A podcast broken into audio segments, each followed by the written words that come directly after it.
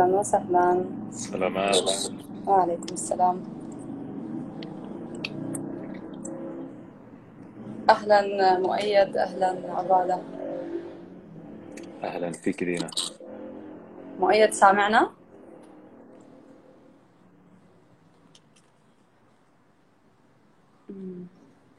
أهلا فيكم.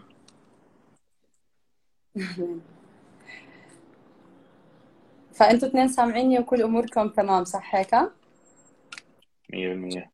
أوكي الحمد لله. آه، طبعا يعني فيش داعي أعرف عليكم مرة ثانية أو أعرف فيكم مرة ثانية آه، معي اليوم عبادة القاسم ومؤيد زلون زملائي وأخصائيين سمعيات وأنا كاتبة عنهم أكثر بالبوست اللي موجود أول شيء. آه، فاليوم رح نكمل إن شاء الله جلستنا اللي كانت قبل بس برضه الإنترنت معلق عند مؤيد.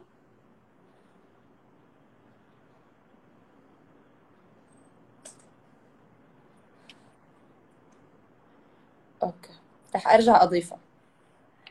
عشان نبلش مرة واحدة.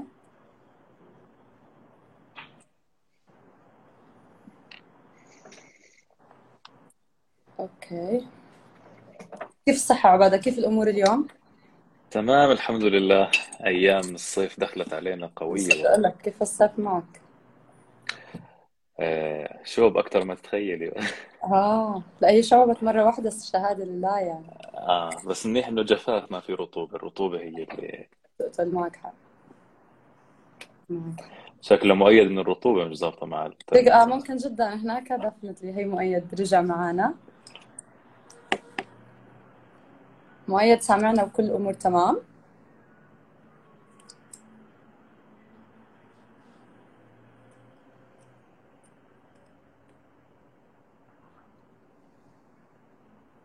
مؤيد إحنا شايفينك بس أنا ما بعرف إذا أنت شايفنا وسامعنا.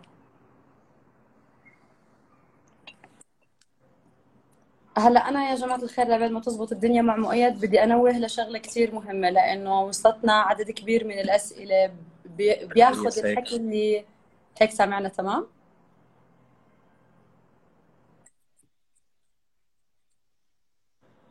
يعني الوضع أفضل شوية مؤيد. آه أفضل شوي صح. اللي كنت بس بدي أنوه عليه نحن بكل النقاشات اللي درنا فيها بالمرة الماضية واللي رح نحكيها اليوم هي عم بتعبر عن آرائنا الشخصية وتجاربنا الشخصية من الأشياء اللي صارت معنا. وهذا ما بيعني إنه الكلام اللي قلناه هو صح 100% أو غلط 100% إحنا ما عم نناقش علم أو حقائق. إحنا عبارة عن ثلاث أشخاص موجودين بالمجال وصار لنا فترة بالمجال وعم نشارك معكم تجاربنا. لأنه في كثير أسئلة إجت رح أحكي سؤال منهم. آه، مبني إنه زي كأنه إحنا الحكي اللي حكيناه يعني مأخوذ عن محمل الجد هو أكيد عن محمل الجد ولكن إحنا ما فينا نأخذ فيه بال يعني بالمطلق ونعمم هذه التجارب على كل الأشخاص. ممكن حدا تاني يصير معه غير اللي صار معنا ب- بشكل كبير. وبظن زملائي بيوافقوني بوجهة النظر هذه. 100% أنا لهيك آه تفضل. نعم. أوكي. لهيك رح أبلش بسؤال وبدي أسمع طبعا الجواب من من مؤيد ومن عبادة منكم الاثنين. فهو السؤال بيقول وإحنا ال session اليوم حتكون main أسئلة بما إنه إحنا ناقشنا أو حاولنا نعمل آه، عصف ذهني لكل الأفكار اللي بتدور براسنا وبراس الخريجين أو اللي على مقاعد دراسة. فالسؤال بيقول حسب ما فهمت من الكلام اللي قلتوه إنه الماستر ما راح يفيد أخصائي السمعيات إذا كان بيشتغل بمركز الأجهزة السمعية وما حيكون في فرق بينه وبين أي أخصائي سمع تاني موجود معه حامل لشهادة البكالوريوس يعني أنا بدي أقول أتفق ولا أتفق ولكن رح أعطي المجال أول شيء لعباده تقدر تقولي إيش رأيك بما إنك حامل للماجستير عشان أنا ومؤيد اظن رح نتفق بنقطة معينة شوف هو بداية آه،. آه، نحاول دائما ما نجمل الأمور بطريقة مبالغ فيها مشان الواحد لما يطلع على سوق العمل ما. آه، إحنا ما بنحكي إنه على كل الأصعدة هم ما بيتساووا. أكيد. في في اختلافات ممكن أنت تحس فيها لذاتك كشخص يحمل درجة علمية متقدمة. أها. ولكن آه، إن إحنا بنحكي أجهزة السمعيات أو العيادات اللي بتشتغل بأجهزة السمعيات واحدة من أولى وأكبر أولوياتها إنها آه، بتعرف هي مؤسسة تجارية في الأول وفي الأخير. آه، لذلك الأفضل بالنسبة لها بيكون الشخص اللي قادر إنه يلبي احتياجاتها وأهدافها التجارية بالإضافة للأهداف السريرية أه. وغالبا درجة الماجستير ما بتقدم في مجال السمعيات أنا بحكي ما ما بتضيف لك أي شيء من الناحية التجارية يعني ما لذلك أنت زيك زي غيرك في عملية بيع السماعات وشراء السماعات أوكي.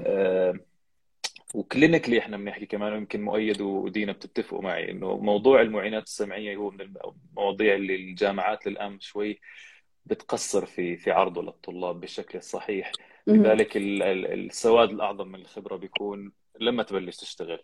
ولما تبلش تشتغل على مدار سنوات بتصفي الخبرة التراكمية اللي عندك بتغنيك عن بعض الشهادات مع العلم إنه قد يشوب هاي التجربة مجموعة من الأخطاء. إلا إنها بتعوض بشكل كبير عن الشهادة. لذلك أنا ملتزم بالكلام اللي حكيته. ما راح تحس بفارق كبير بينك وبين أي شخص سواء كنت حامل البكالوريوس أو الماجستير في عيادات السمعيات والأجهزة السمعية المساندة. أوكي. ومؤيد شو بتقول؟ والله كلام صح بشكل جزئي. يعني الفكرة هذا الكلام ما إنه ما حدا يروح ياخذ ماستر عشان مجاله محدود في مجال المعاينات السمعية ولا السماعة ولا ال clinical هذا مش لأنه الواحد يكون عارف التوقعات لما يروح على سوق العمل كيف الأمور. هل في كبيرة جدا في الوظائف ملهاش دخل بالشخص كشخص المتطلبات الوظيفية في السماعات الطبيه ما بت... مش مش متطلباتها انه الواحد لو كان بكالوريوس بيقدر يعمل. هاي هي النقطة. إنه المهارات موجودة عن المتطلب للي بيبيع سماعات أو بيعمل الفحوصات ال basic مع السماعات مع ال verifications هاي بيقدر يعملها البكالوريوس لا يعني إنه الواحد ما يكمل ماستر إذا كان في باله إنه يكمل ماستر لأنه مؤيد صوتك قطع بعد ما يكمل ماستر لأنه قطع sorry هيك أحسن؟ هيك تمام آه, آه الواحد مش عشان إنه الواحد شاف إنه في محدوديه في سوق العمل في السماعة يلغي خطته في التوسع العلمي أو الأكاديمي. بس الواحد زي ما حكى يكون عارف التوقعات سوق العمل شو يعمل بس. أنا أنا بس راح أضيف شغلة خطرت ببالي من الأسئلة اللي كانت عم تجيني إنه في كثير أوقات إحنا قاعدين عم نمنهج أو قاعدين عم نحدد وظيفة أخصائي السمعيات كأنه يشتغل بعيادة بس من اللي إحنا بنعرفه من اللي إحنا شايفينه في كثير أخصائيين سمعيات خلينا نقول مثل مؤيد مثل اساتذه كبار مثل الاستاذ محمد شديد. ناس كثير كتار بالسمعيات هم راحوا ليكونوا مدربين لاختصاصيين السمعيات وهم بنقطة معينة احتاجوا لشهادة الماجستير أوقات لتقدمي لهذا لهذا البوزيشن سؤال اجى من بنوته فانت أوقات لتقدمي من لهذا ال position بتطلب منك أصلا تكوني candidate لهذا المكان إنه يكون معك master degree فلهيك أنا أنا مو دائما أنا مو ضد ومو مع ولكن بقول إذا الواحد صح له أكيد why not بس إنه إذا ما صح له أكيد مش هي نهاية العالم خصوصي إنه إحنا ما عندنا برنامج ماجستير بالوطن العربي خلينا نقول بعد ما سكرت ال AUB فأوقات في في أماكن معينة بتتحتم علينا إنه أنا لازم أكون حامل لشهادة الماجستير. وطبعا كلياتنا بنعرف إنه شهادة الماجستير بتفتح لنا أبواب كبيرة مثل آه، تجربة عبادة. يعني عبادة أنت صرت بتفهم بكثير أشياء وب details أكثر ما كان برنامج البكالوريوس خلينا نقول طارحها. وبنفس الوقت خبرتك العملية لو شو ما كان المركز اللي أنت فيه ما كان حيعطيك هاي ال opportunity أو هذه الفرصة اللي أنت فتتها على سبيل المثال أنت قابلت ناس كثير كبار بتخصصنا صح؟ مزبوط آه، شوفي دينا موضوع ال ال هو شو يفرق الماجستير عن البكالوريوس؟ واقعيا البكالوريوس هو زي حجر الأساس اللي بنحط لاي شخص حابب إنه يدخل ال field بغض النظر عن الاختصاص. لأن الماجستير الهدف منه إنه يعطيك العمق تبع تبع الأشياء. فأنت ممكن تكون فاهم آه، بعض النظريات بشكل سطحي خلينا نحكي أو مبدئي وهو كافي لحمل درجة البكالوريوس. ولكن لما تروح على الماجستير بصير الهدف إنه إحنا نشرح التفاصيل أو العلم اللي وراء هاي الفرضيات الصغيرة والتفاصيل. عرفت كيف؟ فانت بس تدخل في level علمي مختلف. وموضوع السماعات الطبية وإحنا كلنا شايفين هلا على اختلاف الشركات إنه الموضوع ال automation إنه صارت الأجهزة هاي اوتوماتيك بطريقة إنها ما عادت محتاجة مجهود خيالي من الأخصائي مشان ينشغل معها. لذلك بنلاقي حتى إنه في كثير من الناس اللي بتشتغل في مجال المعينات السمعية بيكونوا زملائنا من من من هندسه بيكونوا مهندسين معدات وأجهزة طبية واحيانا بيكونوا مهندسين صناعيين أو في مجالات أخرى. لذلك طبعا هذا مش الهدف منه ان نقلل من من أهمية اختصاص السمع كاختصاصي ولكن المجال technical أكثر يعني مش clinical audiologist هو بالدرجة الأولى اختصاصي سريري. موضوع المعينات السمعية technical لذلك ممكن يدخل على الخط المهندسين وكذا. ومشان هيك بنحكي لك إنه التوسع في الجانب العلمي في السمعيات غالبا ما راح يضيف كثير لأنه أنت بتحكي عن علم بشكل عام ولكن كل شركة بالنهاية لها أسلوبها وأدواتها المعينة في تطوير منتجاتها اللي ممكن أنت ما تتعرض لها حتى في مرحلة الماجستير. عشان هيك إحنا ولكن هذا لا يقلل ابدا من انه دراسة الماجستير هي خطوة جبارة سواء أيوة. ثبت عليها أو حتى انتقلت لشيء أعلى منها. أيوه السؤال الثاني اللي كان موجود وأنا أظن جاوبتوا عليه بس إذا بتحبوا تضيفوا شيء بعد التخرج كيف ممكن أطور حالي إذا ما أخذت الماجستير؟ رجعنا للماجستير مرة ثانية أو لل master's program. إحنا حكينا بال... بال session اللي قبل إنه حسب أنا على شو بدور بيعتمد وين المرجع تبعي.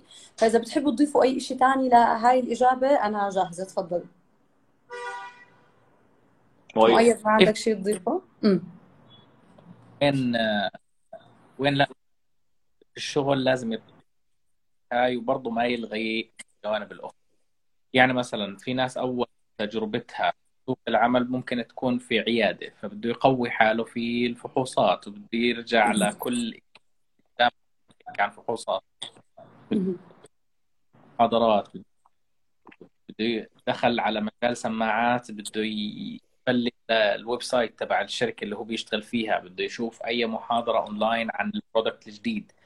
فهي الفكرة حتى لأنه التخصص على صغره عميق جدا عميق جدا حقيقي. آه آه. عن واحد بيشتغل في سماعات فقط فبده يدرس الشركة اللي هو بيشتغل من أساسها. بده على أساس يعرف بيجي عنده محتاج سماعه كيف سماعة كيف يختار. بده في مجال الفحوصات بده يرجع يرجع يشوف النتائج يشوف ال supervisors تبعونه شو بوجهوه. فهي آه، وين؟ الشغل الواحد. تعمق okay.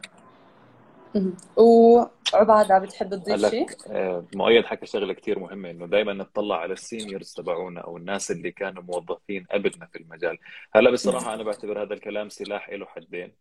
آه، لأنه أنت أكيد راح يعني أنا بتخيل دور ال senior دائما هو إنه يسرع عملية التعلم مش إنه يعلم بالدرجة لأنه فعليا التجربة العلمية اللي مر فيها ال senior مشابهة كثير للتجربة اللي مر فيها ال junior اللي دخل جديد على المجال.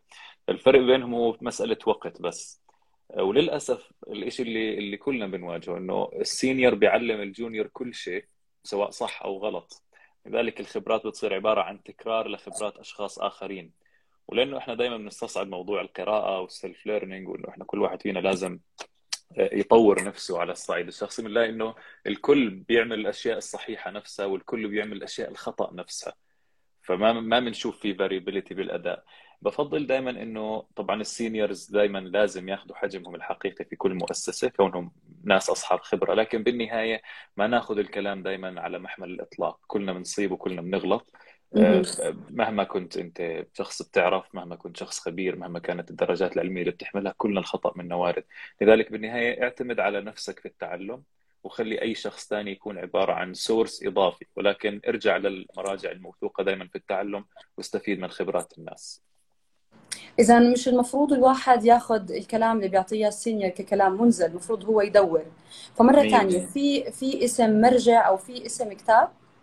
إحنا حكينا أسماء كتب بالمرة الماضية في كتب بتحبوا تضيفوها؟ هلا بفضل انه آه تفضل مؤيد. آه...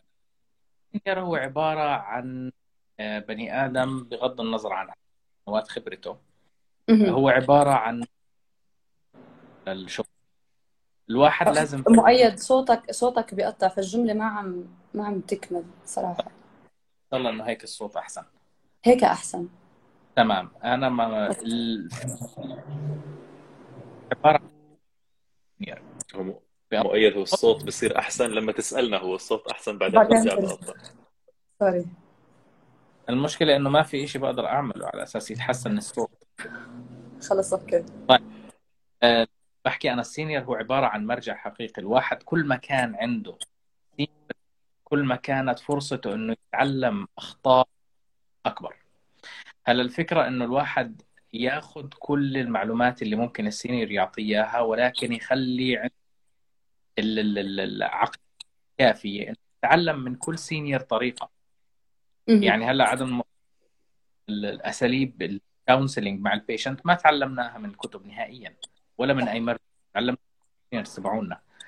كيف ال seniors في الظروف ال- ال- ال- المرة زي مثلا لما بدك تخطط أهل طفل إنه ابنهم deaf آه، شفنا كيف بي- بيهندلوا الأمور.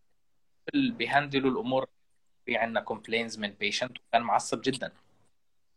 فأنا بشوف السينيور عباره عن مرجع رائع جدا لكل جونيور لازم الواحد يتطلع عليه عن حرفيا.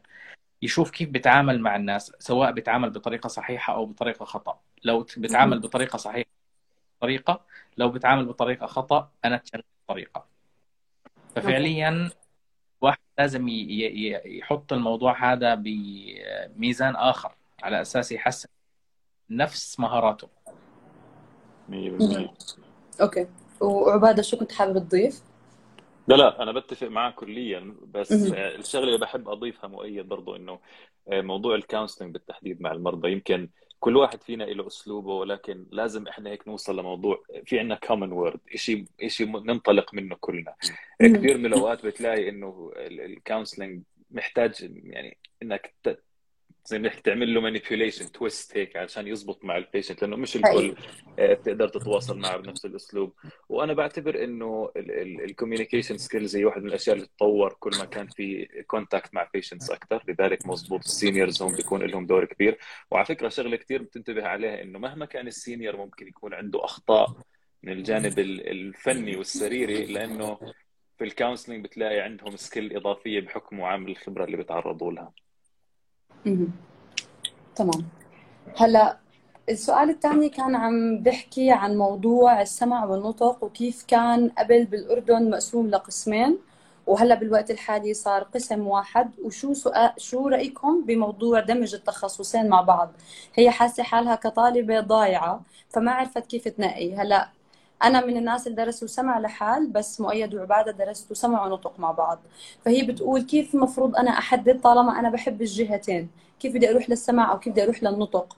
ومين بتشوفوا له مستقبل أحسن؟ شو مؤيد؟ والله الموضوع مش موضوع على يعني الواحد ما بيناقش مصير أمي على على إنستغرام. الفكرة وين؟ ال- التخصصين كبار والتخصصين جدا جميلين وكل واحد له ظروفه وله ماهية عمله. هلأ أنا مثلا مؤيد كنت شايف حالي في البلع مثلا أو ال voice كنت راح أبدع. ولكن. أنا كان ميولي ال audiology. فرحت audiology. عباده نعم. من الأول كان. في ناس كانت آه، بداية audiology ولقت حالها مع النطق أكثر حقيقي. الواحد مش راح ما, ما في عندي أي بالموضوع الواحد يجرب. الواحد يجرب نقطة كتير مهمة لأني أنا دائما بقول لهم إذا بتقدروا تنزلوا على clinics أو على centers سواء كانت نطق أو سمع وتشوفوا كيف الشغل وتشوفوا كيف أنتوا بتقدروا أو بتحبوا أو بتتحملوا أو بتحسوا لا أنا مش هون مكاني أو أنا ما بقدر أعمل هذا الحكي. بحسوا هذا إشي كتير آه، كتير مهم. فما بعرف برضو عبادة شو رأيك بالموضوع؟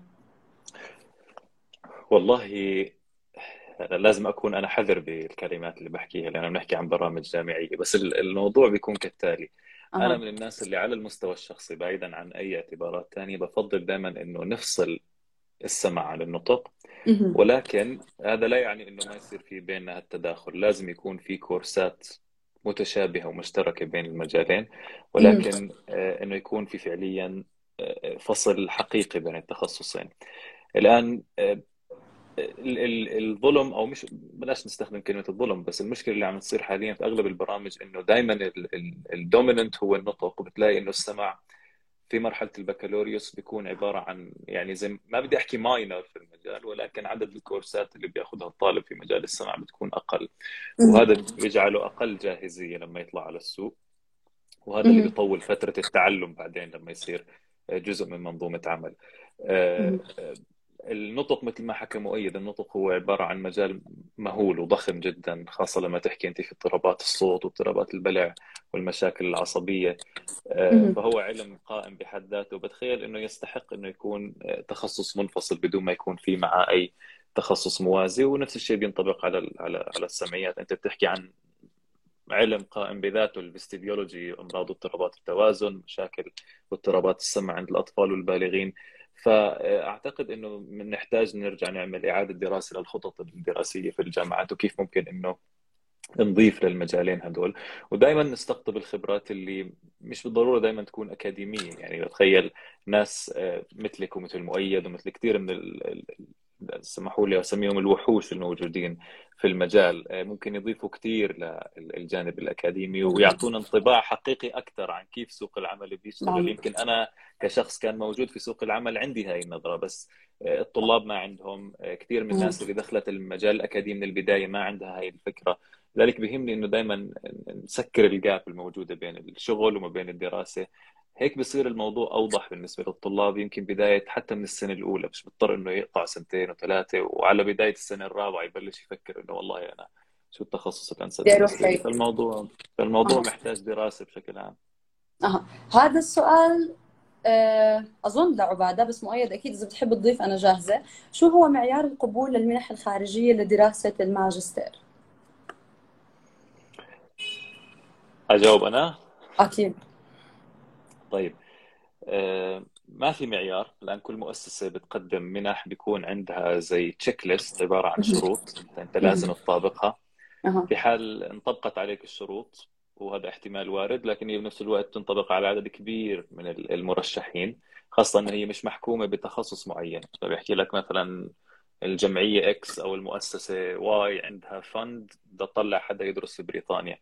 على مستوى الأردن خلينا نفترض. فأنت بتلاقي ناس بتقدم من مختلف الاختصاصات واحد أو اثنين بياخذوا المنحة وبيطلعوا بدوروا دائما على efficiency عالية في اللغة الإنجليزية فغالبا بطلب منك امتحان لغة إنجليزية إما ال IELTS أو ال TOEFL وب score عالي نسبيا. آه، بطلبوا إثباتات إنك أنت طالب جامعي أو إنه أنت معك قبول على الأقل من جامعة. بس ما بعد أنا من الناس اللي ما بفضل إنه نعتمد على المنح لأنه صحيح هي بتسهل المهمة علينا كثير ولكن آه، يعني نسبة الحصول على منحة دائما بسبب التنافسية العالية الموجودة ولأنه يعني البلدان العربية ممتلئة بالخبرات في مختلف المجالات بتكون صعبة وبتخيل حجم الأسى اللي ممكن الواحد يحس فيه إذا قدم لمنحه وانرفض المنح اللي بفكر إنه أسهل الحصول عليها هي المنح اللي تطلع من الجامعات. أه. بمعنى إنه الجامعة بتكون معاها فند حكومي مثلا لمجموعه طلاب أه. طبعا هذا غالبا بيكون في مرحلة الدكتوراه أكثر الماجستير شوي أقل ولكنه لا يزال موجود أه. والناس بتقدم على الجامعة متى ما حصلت القبول فأنت حصلت الفند أنا دائما بشوف إنه الأولوية دائما إنك تجيب قبول جامعي لأنه هذه هي ال process الطويلة وهي الشغلة اللي بتحتاج شغل كثير طويل فدائما فكروا بكيف أكون ضامن مقعد جامعي بعدين نفكر مع بعض من وين ال fund بيجي. ورب العالمين بيسرها بس نعمل الخطوة ال critical في البداية. أه. وفي تكلفة معينة ممكن نعطي رقم معين لدراسة الماجستير والدكتوراه برا؟ والله بيعتمد على الدولة وبيعتمد على أي جامعة في هاي الدولة. الجامعات البريطانية جامعات نسبيا غالية يعني أقساطها السنوية عالية جدا للطلاب الدوليين. والحياة في بريطانيا يعني نحكي غالية نسبيا بيختلف باختلاف المدينة برضه. آه، لذلك بتلاقي أغلب الناس اللي بتطلع بتكمل اوديولوجي برا بتتجنب تروح على لندن لأنه لندن من أغلى المدن في بريطانيا. يعني رفلي بدك تكون حاطط بحسابك إنه الموضوع بده يكلف ما بين ال يعني 40 ل 50 ألف دينار أردني. إذا بدك تطالع حسابك الشخصي يعني. أها. تمام. ومؤيد بتحب تضيف إشي لإجابة هذا السؤال؟ أوكي. لا هذا السؤال ما سمعت. معلومات okay. ما بدك تضيف شيء لأنه صوتك قطع مرة ثانية okay تمام. هذا السؤال برضه رح أبلش معك مؤيد. آه سؤال بيقول شو المتوقع لسوق العمل بالسمعيات خلال الفترة الجاية؟ مع إنه السؤال اللي سأله هذا يعني اللي طارح هذا السؤال هو طالب خريج فما أظن في مجال يتراجع. بس أنا حبيته لأنه للناس اللي هلأ فايتين وممكن يختاروا تخصص سمعيات. فهو كاتب بالسؤال هل تنصح فيه كوظيفة أو بتحس تم إشباعه بسوق العمل؟ فشو رأيك؟ والله اللي أنا فيها بداية أولا هي تخيل الواحد. ثانيا واحد الآن آه، في البلد هون في الأردن. فالفرص مش بكثرة كثيرة.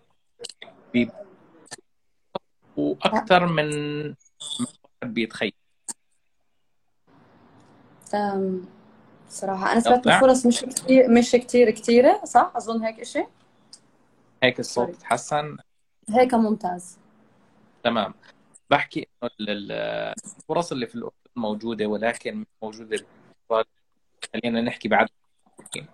حتى لا يعني ما أها في فرص ثانية أها.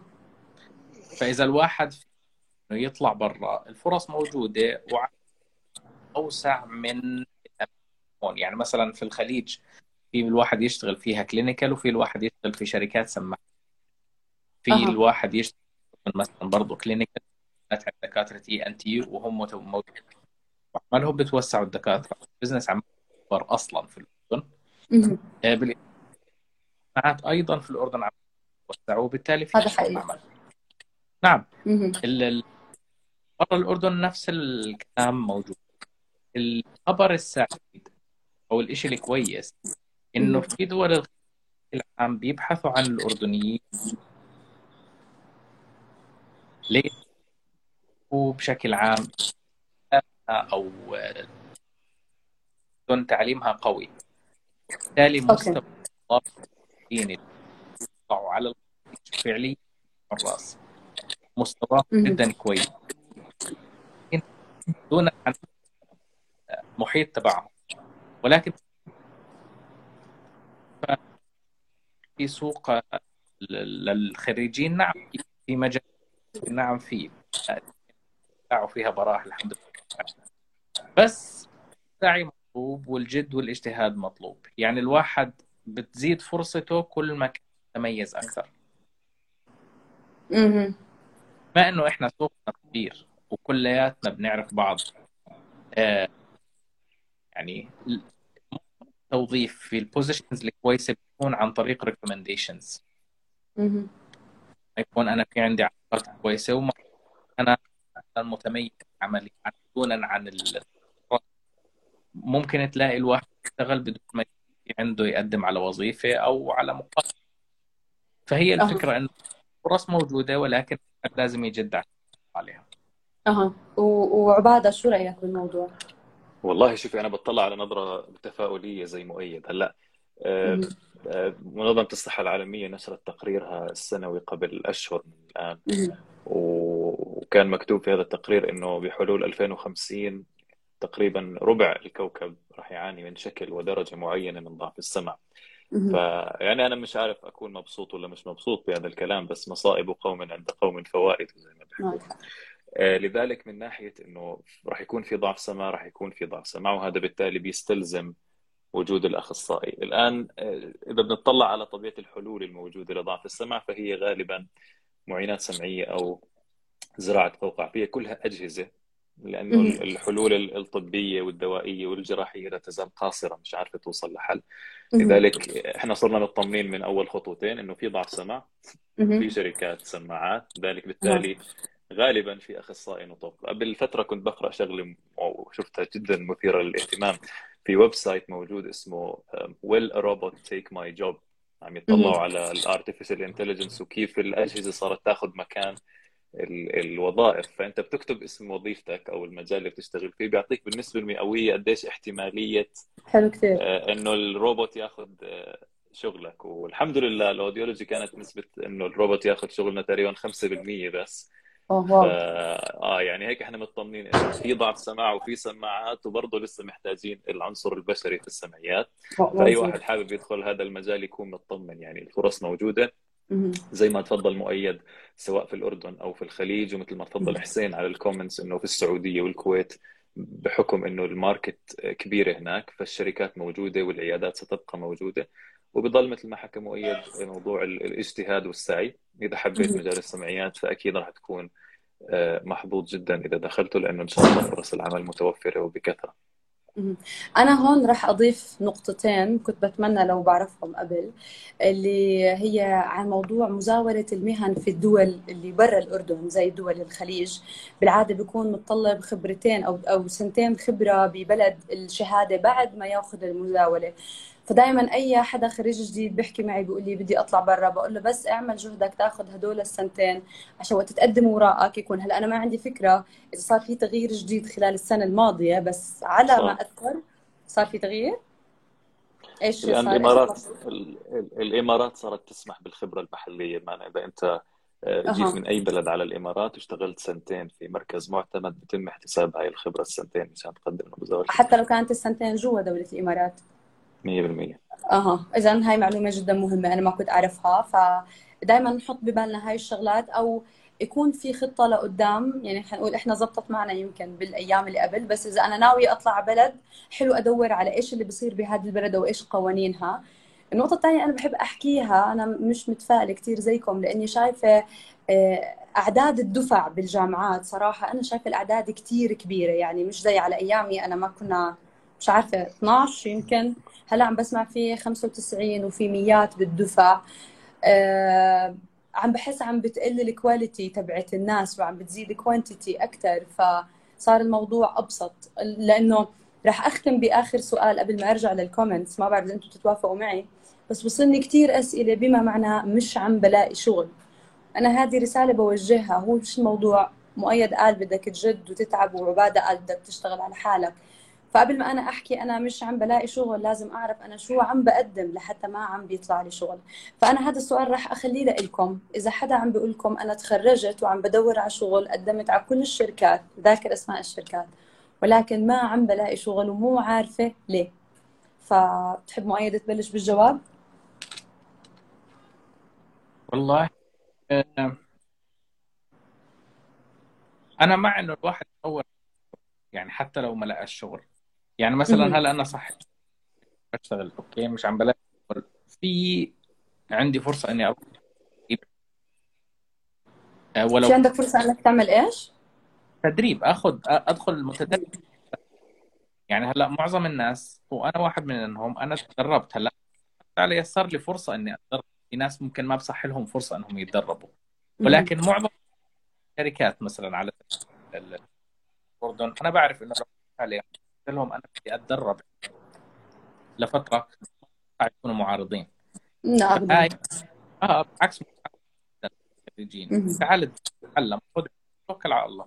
فهلا هاي تقويك لأني مثلا اشتغلت عندكم متدرب فترة. اثبت أنا فعليا مع إني ممكن أكون مفيد. الشركة راح تحط بعين. حتى لو ما كانوا بحاجة ولكن إذا صح لهم حدا مت... بيخلوه عندهم. كذلك الأمر في نفس الموضوع. إنه هاي من الاسباب ممكن الواحد يتبعها. دورات. ممكن دورات آه، آه، كورسات آه، audiology online على فكرة. الواحد بي... وال course حاليا يعني ممكن الواحد ياخذ ب 100 دولار بالسنة.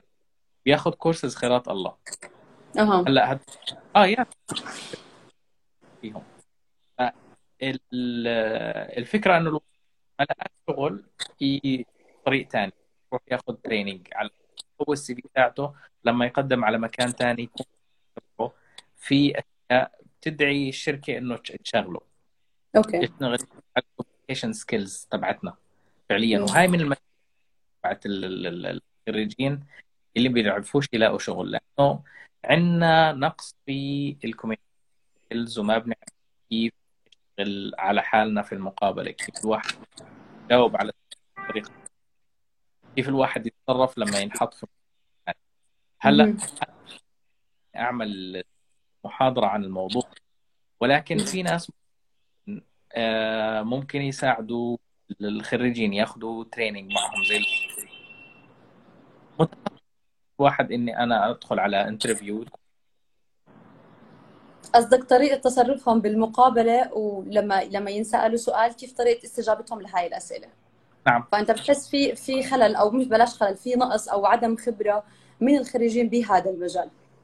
هلا مش مش مش الفكرة إنه ولكن تعرضوا لهذا في حياتهم نهائيا. بالضبط. طالب دخل في العمل. مهم. التجهيز لسوق العمل هيك بتعمل وهو فكيف الواحد يتجنبها يدخل في هاي الأمور. أوكي. أنا حسألك سؤال وحرجع لك عبادة بجواب هذا السؤال.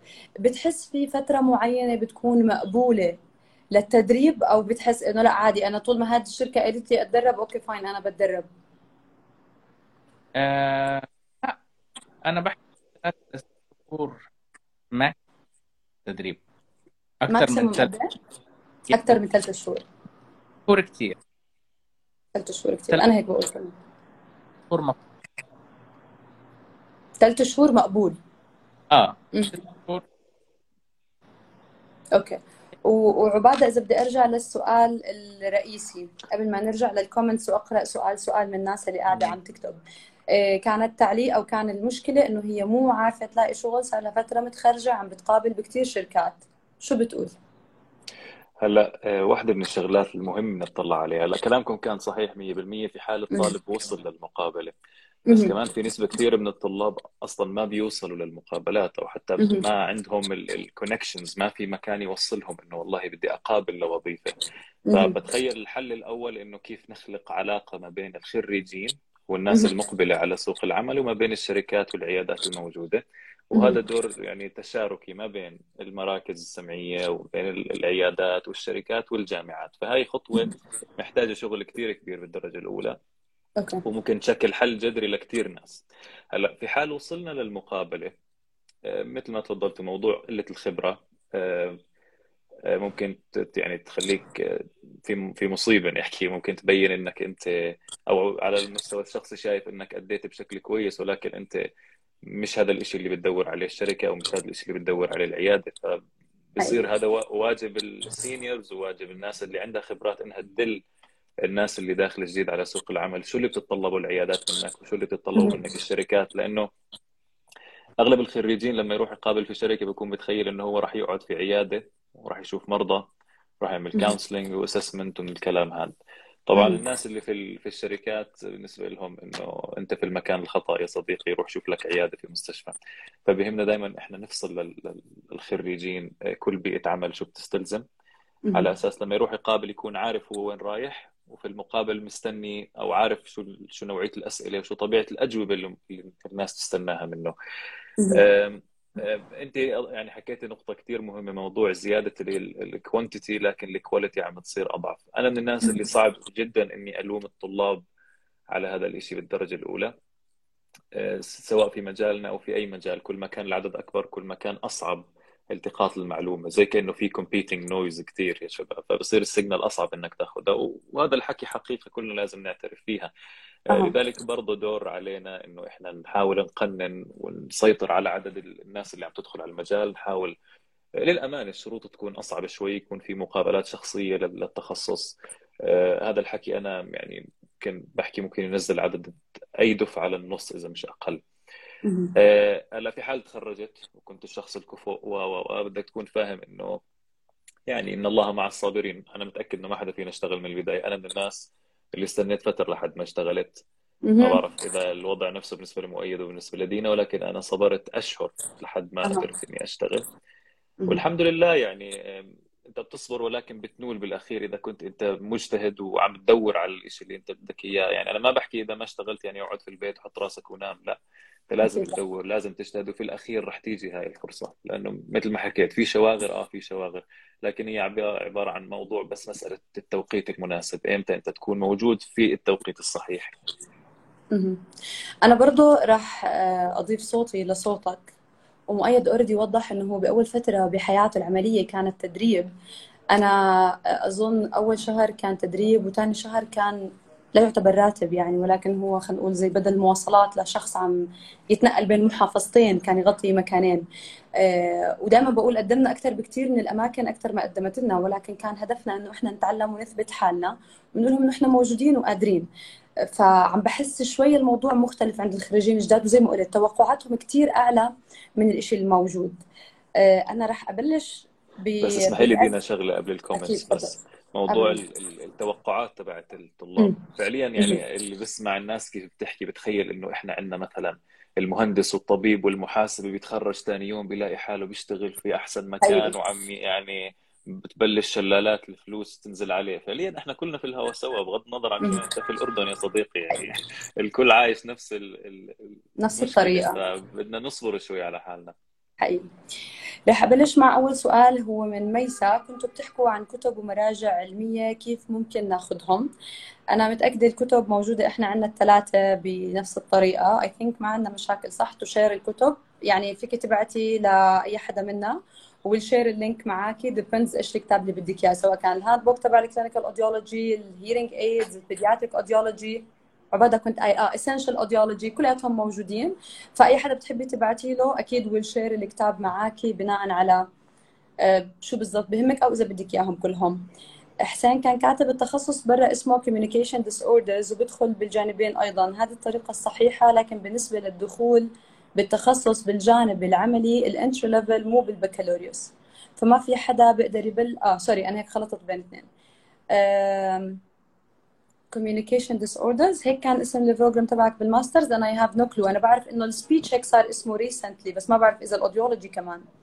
هلا شوفي آه، أعتقد حسين بيحكي عن عن ال degrees تبعون ال research. يعني okay. آه، الآن البكالوريوس صار آه، ممكن يكون البكالوريوس في أمريكا اسمه ال communication sciences and disorders وهذا بيكون يعني ما بيخولك إنك تشتغل كمعالج نطق. الآن okay. في في أمريكا two degrees أو two doctoral degrees. خلينا نحكي. شيء بسموه ال doctor of audiology ال AuD وفي شيء بنسميه ال doctor of speech therapy اللي بسموه SLD بصير doctor of speech therapy.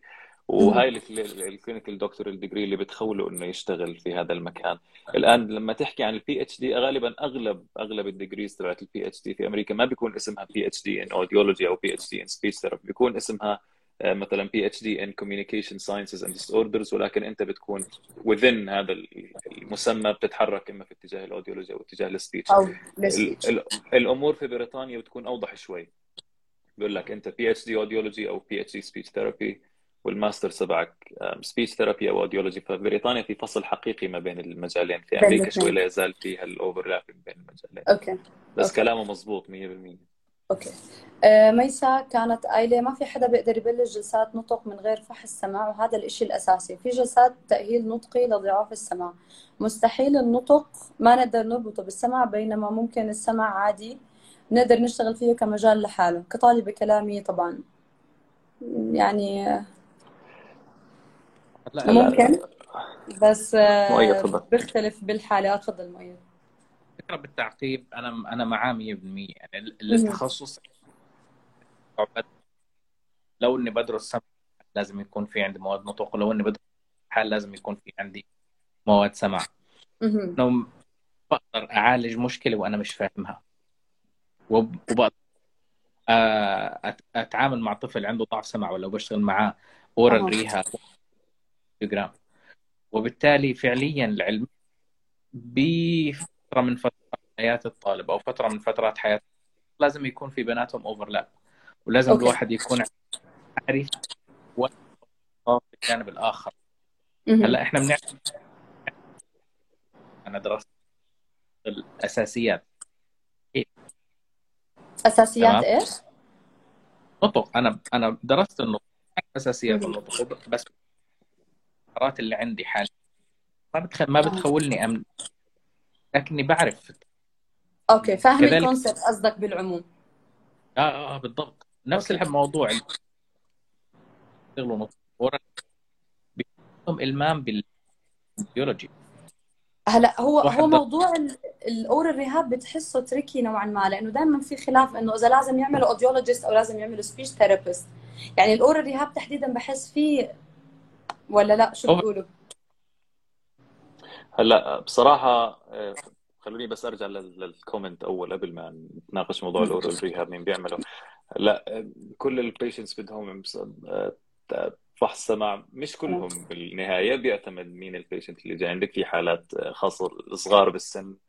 ممكن في ناس. عندهم مشاكل. آه فالموضوع مش دائما بيحتاج. شغلة ثانية في حال فرضنا إنه ال patient تحتاج فحص سمع ف إذا تعرفي إحنا أي أي أي تخصص طبي آه، مثل ما حكينا جميعا لازم يكون في مواد مشتركة بينهم على أساس الكل يعرف الكل والكل عارف فلان شو بيعمل وفلان شو ما بيعمل. فمعلومة واحدة إنه إذا شكيتي إنه في شخص عنده ضعف سمع موضوع الريفيرال لا أخصائي السمع كفاية. لا يفترض إنه أنت تكوني أخصائي سمع بحد ذاتك عشان تعرفي إنه فلان محتاج فحص سمع أو لا. هلأ إحنا كاختصاصيين سمعيات بمر علينا cases في عندهم medical issues pure medicine يعني محتاجين ENT هلأ إحنا إحنا مش physicians بطبيعة الحال ولكن عارفين إمتى لازم هذا الشخص يتحول. لطبيب. بالعلم إنه إحنا مش أطباء. لذلك في عندنا concepts أساسية إذا كنا عارفينها هذا الحكي بيسهل عملية ال- ال referral شوية clinical reasoning بحل المشكلة. بدون ما أكون أنا دارس التخصص وداخل في معلومات أنا ما راح أستخدمها في في بيئة عملي. موضوع مين بيعمل ال aural rehab ومين ما بيعمله. أنا شايف إنه هو عبارة عن تأهيل نطقي حتى إذا بترجمه يعني بسموه التأهيل السمعي لضعاف السمع. وغالبا آه، كل إذا بتطلع على أي session aural rehab بتلاقي إنه speech therapy تمام فتخيل إنه دورنا إحنا ك audiologist ميال أكثر للجوانب اللي متعلقة بالجهاز شو عم يعمل وكيف okay. إحنا عم نوصل أفضل signal لل patient. الاستغلال الصحيح لهي ال signal هو شغل ال speech therapist ما أعتقد إنه إحنا ك audiologist لازم نتدخل فيه مؤيد شو بتقول؟ aural rehab سمع ولا نطق؟ أنا كأخصائي سمع بعرف بس ما بعرف الأساليب اللي بتخلي الولد يحكي الأحرف okay. الصحيحة بالطريقة مهم. ف- ما هو that's why هو هو صفى هلأ بالوقت الحالي هو course قائم بحد ذاته بقدر اختصاص السمع يدخله واختصاص النطق يدخله ولكن يعني آه، so إحنا عندنا عبادة بيقول نطق مؤيد بيقول نطق أنا بقول ممكن يكون سمع ممكن يكون نطق I don't know ما بدي أخذ وقتكم أكثر على الموضوع رح أروح لعبد الله عبد الله بيقول بالواقع وخصوصا لغير أهل عمان فرص العمل عبارة عن صفعة لأي خريج جديد أو حتى خريج من سنوات. ويمكن هذا السبب اللي بيخلي الناس تتوجه للنطق رغم إنهم ممكن يبدعوا ويساعدوا بتطوير السمع الشركة وتوسعه وتوسعة التوعية ولكن الشركات ما بتساعد بهذا الإشي. وكان مكمل وكاتب بتمنى جدا إنه تعملوا لايف مع أخصائي سمعيات من برا عمان. لتعرفوا معاناة أي شخص بالمجال من برا عمان مين بحب يبلش بالتعليق؟ I'm fine أنا أنا أبلش. بدي أقول أنا عبد الله عبد الله كان قبل فتره بيسأل عن امتحان النطق وشو ال procedure والإجراءات والأوراق آه. المطلوبة فيبدو لي. إنه هذا الكومنت طالع بعد معاناة أليمة وهو بدور على فرص في مجال السمع آه، أوه. فخلينا نحكي على جنب بعدين عبد الله بس اجمالا لا تتخيل إنه الوضع في عمان هو يعني شوف بدك تكون واقعي مع نفسك. عمان هي مركز الثقل في الأردن. أغلب الناس اللي بتفكر تفتح business بتفكر تفتحه بعمان. حتى. الشركات اللي حطت ال- المكاتب الإقليمية تبعتها في الأردن حطتها في عمان لأنه بتضل عمان هي العاصمة وفيها اكتظاظ سكاني مهول. فبتخيل أنت لازم تطلع على ال... يعني خليك خليك dynamic أكثر تحرك. يعني أنت الآن ساكن في محافظة خارج العاصمة. هون بتيجي موضوع ال dedication اللي حكينا عنه. انت مجبر انك تقدم تضحيات انك انت ممكن تترك مثلا انت سكان إربد ممكن تترك إربد كلها وتنزل على عمان مشان تشتغل. دائما انت بتسعى ورا الفرصة ما بتستنى الفرصة تيجي لعندك. الان انت في واقع. الحل هو مش إن نندب هذا الواقع اللي إحنا فيه. الحل. إنه نسعى. أنا بعرف إنه في كثير ناس ما عندها هذا الحل وأنها بتضل ضحية لهذا الإشي.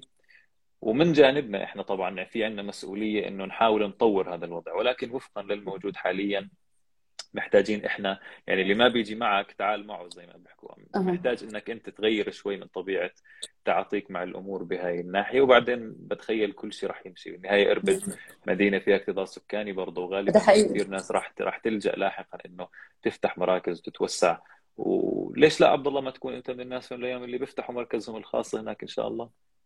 أنا هاي النقطة اللي كنت بدي أحكيها. هو ريسنتلي يعني بالفترة الجديدة جد عم نشوف مراكز عم تفتح بأربد. وأنا رح أحكي هون كموظفة بشركة آه، ما بيكون الشركة هدفها إنها ما تساعد الخريجين اللي من برا المحافظات ولكن أنت بتهكل هم هذا الخريج الجديد إنه قد إيه بده يكون الراتب وقد إيه أنت بدك تتحمل سواء تكلفة معيشة. يعني أنت قلت له اطلع برا أربد. بده يستأجر بأي مكان. مش موضوع نناقشه ولكن هذه هي الحقيقة النقاشات اللي بتدور بين لما يكون حدا صاحب مكان إنه طب هو بده يستاجر طيب بده مواصلات طيب بده كذا. هاي الشغلات برضو الشركات بتحطها بعين الاعتبار. أنا بتذكر كنت خريجة جديدة واحدة من الشركات سألتني عندك سيارة؟ فأنا كان جوابي إنه أنا جايب سيارة بس هي مش سيارتي. فلا عندك سيارة. بهديك اللحظة استغربت كثير بس فعليا لقدام أنت بتفهم إنه أنا مش حقدر أتحمل كل يوم أجي هاي الطريق خصوصا إنه الواحد بيكون متحمس أولها. لكن بعد مرور خلينا نقول ست سبعة أشهر حيصفي هذا روتين حياة أبدا مش مريح وأبدا مش منطقي. أنا لإلي ما بشوف الشركات بهاي. بهذا ال position ظالمة قد ما بشوفها بالعكس عم بتحاول تحط حالها مكان الطرف الثاني وتشوف قديش هذا الطرف حيكون motivated خلال الفترة اللي جاية أو قد إيه هذا الرقم حيكون fair بلاش motivation fair أصلا لهذا الإنسان اللي خلينا نقول ترك منطقته أو ترك. أو أنا بعرف كثير ناس باربد مبدعين صراحة. يعني بعرف أكثر من center باربد وضعهم ما شاء الله ومنيح وعندهم اختصاصيين. مؤيد بتحب تضيف شيء للموضوع؟ أنا مع واحد إذا ما لقاش اللي ممكن يدور فيها. يدور وزي ما حكيت. الشخص اللي بيشوف عنده إمكانيات دكاتره إي إن تي.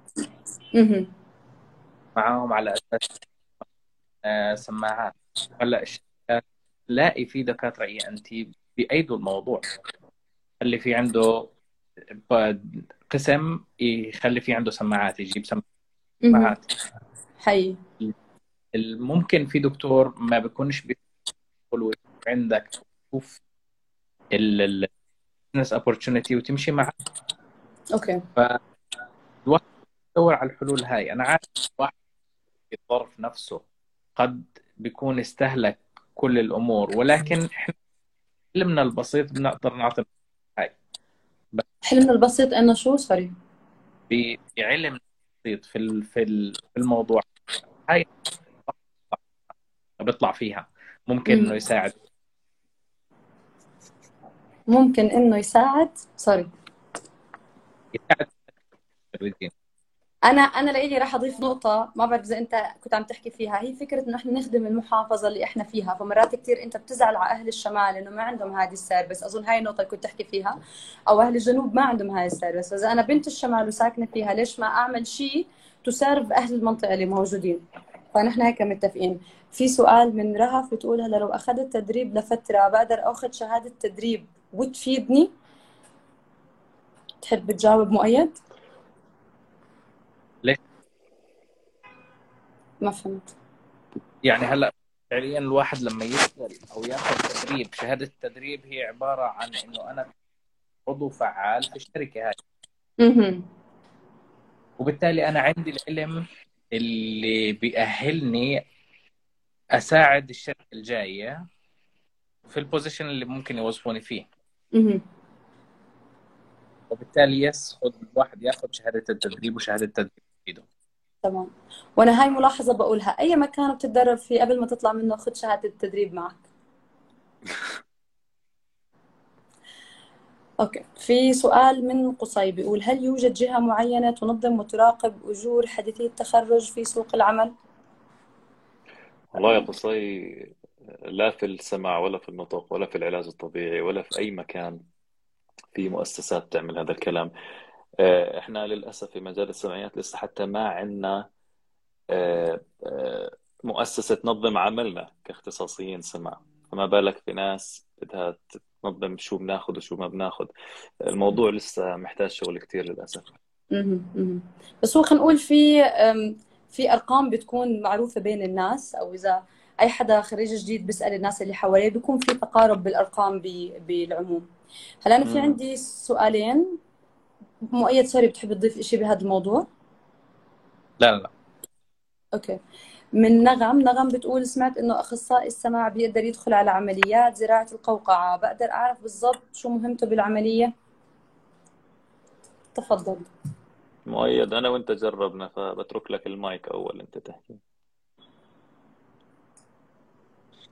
والله في من من الإجراءات تبعون زراعة القوقعة. في جزء بسيط بيكون فيه أخصائي السمع. أولا لعلمه في product اللي بينزرع. هلا هو بيكون technical فاهم ال product يعمل وخصائصه كاملة. فلو الدكتور في حال يحتاج أي استفسار لازم الواحد يكون عنده الجواب على أساس العملية بالطريقة اللي يمشي فيها. هذا واحد. آه، الشغلة الثانية في فحص بنعمل جوا العملية بس ما بياخذ وقت هو عبارة عن NRI أو ال NRT على حسب الشركة ال neuro على أساس نتأكد إنه الزرعة مكانها بشكل صحيح بعد ما نعمل ال impedance أو. الزرعة كان أعطتنا response إنه عمالها ب آه، بشكل صحيح داخل القوقعة. للبني آدم ينعمل له هل هو الموضوع exciting جدا جميل جدا. آه، فعليا من أجمل ال ال ال الأشياء اللي ممكن الواحد يعملها في آه، السماء خلينا نحكي شوي الواحد بيدخل انفيزيف بيشوف عمليات بيتعامل بطريقة جدا بيحط بظروف آه، يعني بيختبر معدن فعليا لأنه. ممكن الواحد يمشي في عملية وتكون ما فيها أي مشاكل. وممكن تكون عمليات جدا complicated وجدا صعبة واحد بيطلب منه إنه يكون عنده قدرة إنه يتخذ قرارات آه، والقرارات هاي ممكن تكون جدا صعبة فعليا ف شو دور أخصائي السمع زي ما حكينا بداية بس الواحد يكون لازم يكون عارف ال product تبع زراعة القوقعه 100% ال procedure تبع تنعمل في حال الدكتور سأل الواحد يساعده ويعمل بين ال impedance وال NRI أو ال NRT. بس عبادة بتحب تضيف شيء؟ آه، هلا هي مش إضافة أنا يمكن ملاحظ الكل ملاحظين يمكن مؤيد في شوية الصوت عنده بيقطع فأحيانا يمكن بعض المعلومات عم فخليني أعيد إذا بتسمح لي مؤيد بعض الشغلات اللي أنت حكيتها. مثل ما حكى مؤيد دور أخصائي السمع آه، بيكون غالبا في آخر جزء من العملية لأن بعد ما الطبيب الجراح يزرع الجهاز ويحطه ويثبته في في رأس المريض خلينا نحكي بصير دور الأخصائي يتأكد هل هذا الجهاز شغال ولا لا قبل ما الجراح يسكر الجرح لأنه إذا الجراح سكر آه، وتركنا الجهاز مو شغال لاحقا راح يصير على السويتش أون يعني مرحلة تشغيل الجهاز مشاكل قد تستلزم إنه نرجع نعمل زي revision surgery أو explantation للجهاز. فمثل ما حكى مؤيد نعمل شغلتين رئيسيتين. شيء بنسميه؟ ال impedance measurement وهي القياسات آه، كيف شو خلينا نحكي قديش في مقاومة في وجه التيار الكهربائي اللي طالع من الجهاز باتجاه العصب. وبنعمل شيء بنسميه؟ هو له ثلاث مسميات رئيسية. في ناس تسميه NRT ناس تسميه NRI في ناس تسميه ال ART باختلاف الشركات. الهدف منه إنه يقيس هل يا ترى هذا التحفيز الكهربائي عم يس... يعني ال- الكهرباء اللي عم تطلع من الجهاز هل الجهاز عم يسجل استجابة عصبية نتيجة لها ولا لا؟ زي كأنه بيحسب threshold أو طا electrical stimulation بيخلي العصب يتحفز. فالفكرة إنه نتأكد إنه هل الجهاز شغال وكيف الجهاز السمعي أو العصب السمعي يعني على أقل تقدير بيتعاطى مع هاي الإشارة. أحيانا تضطر إنك تكون آه، موجود مع الجراح على الميكروسكوب لأنه مثل ما حكى مؤيد كل product مختلف وأنت بتكون آه، مع يعني ماخذ training كامل على هذا ال product وعارف بالضبط حيثيات الزراعة. فبصير مطلوب منك أحيانا إنك أنت surgically support عشان هيك بسموه surgical support audiologist إنك تدعم الجراح بالمعلومات اللي عندك عن كيفية زراعة هذا الجهاز لأنه كل جهاز له تكنيك مختلف. فممكن تكون ك guidance أحيانا للجراح وشغلك الثاني المتعلق قياس مدى فعالية الجهاز قبل ما يتسكر الجرح شكرا لكم أنا صراحة ما في شيء أضيفه لأنه بالضبط هذا اللي إحنا بنعمله. آه، لينا كانت سائلة لو بدي أقوي حالي أكثر في مجال السماعات فالخيار الأفضل هو التدريب في الشركات. شو بتحب مزبوط ومؤيد؟ وأنا كمان صراحة بتفق مع هذا الموضوع. هلأ أظن أنا هيك بكون خلصنا كل الأسئلة وجاوبنا على كل الأسئلة اللي وصلتنا. إلا إذا أنتم حابين تضيفوا أي شيء أكيد إحنا جاهزين. ففي عندكم أي إضافة؟ مؤيد بتحب تضيف شيء؟ والله ال ال الواحد بس يخلي في باله إنه الفرص اللي أمامه مش محدودة. تمام؟ آه سواء الواحد حس انه نفسه فيها بحاجه للتطور الواحد يتطور هلا الشغلة اللي بدي أحكيها بس إنه مجالنا كسمعيات أو كنطق يعني مهم جدا الواحد القدرات تاعته في communication وفي إذا يدخل على مجال السماعات السمعيات بس يكون في عنده skills ويكون في عنده sales skills تمام؟ فالواحد ممكن يطلع على نفسه بهاي الجوانب ويقويها. okay. هذا هذا حقيقي وأنا برضه بوافق معه. عبادة بتحب تضيف أي شيء لا والله اجمالا هو بس يعني مثل ما حكى مؤيد ومثل ما حكيتي دينا آه، الصبر ثم الصبر ثم الصبر. الموضوع مش straightforward مش سهل ولكن بالنهاية اللي بيصبر بنول يعني و...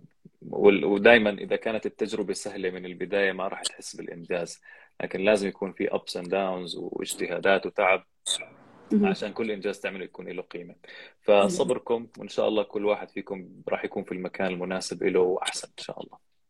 بإذن الله. أنا بدوري بدي أشكركم كثير أشكركم على وقتكم على سعة صدركم بالإجابة على هاي الأسئلة. وبتمنى التوفيق لكل الناس اللي موجودة على مقاعد الدراسة واللي تخرجت واللي بتفكر تفوت بالتخصص. بحب أضيف لأنه جد تخصصنا حلو وجد له مستقبل. والله يعافيكم جميعا. بجد الله يعطيكم العافية. أنا بعرف قديش آه، غلبتكم معي وتعبتكم معي. وإن شاء الله بنلتقي بشغلات تانية لها علاقة بأشياء deep أكثر من هذا الموضوع. إن شاء الله. يعطيكم ألف عافية جميعا. شكرا مؤيد الله يعافيكم. bye bye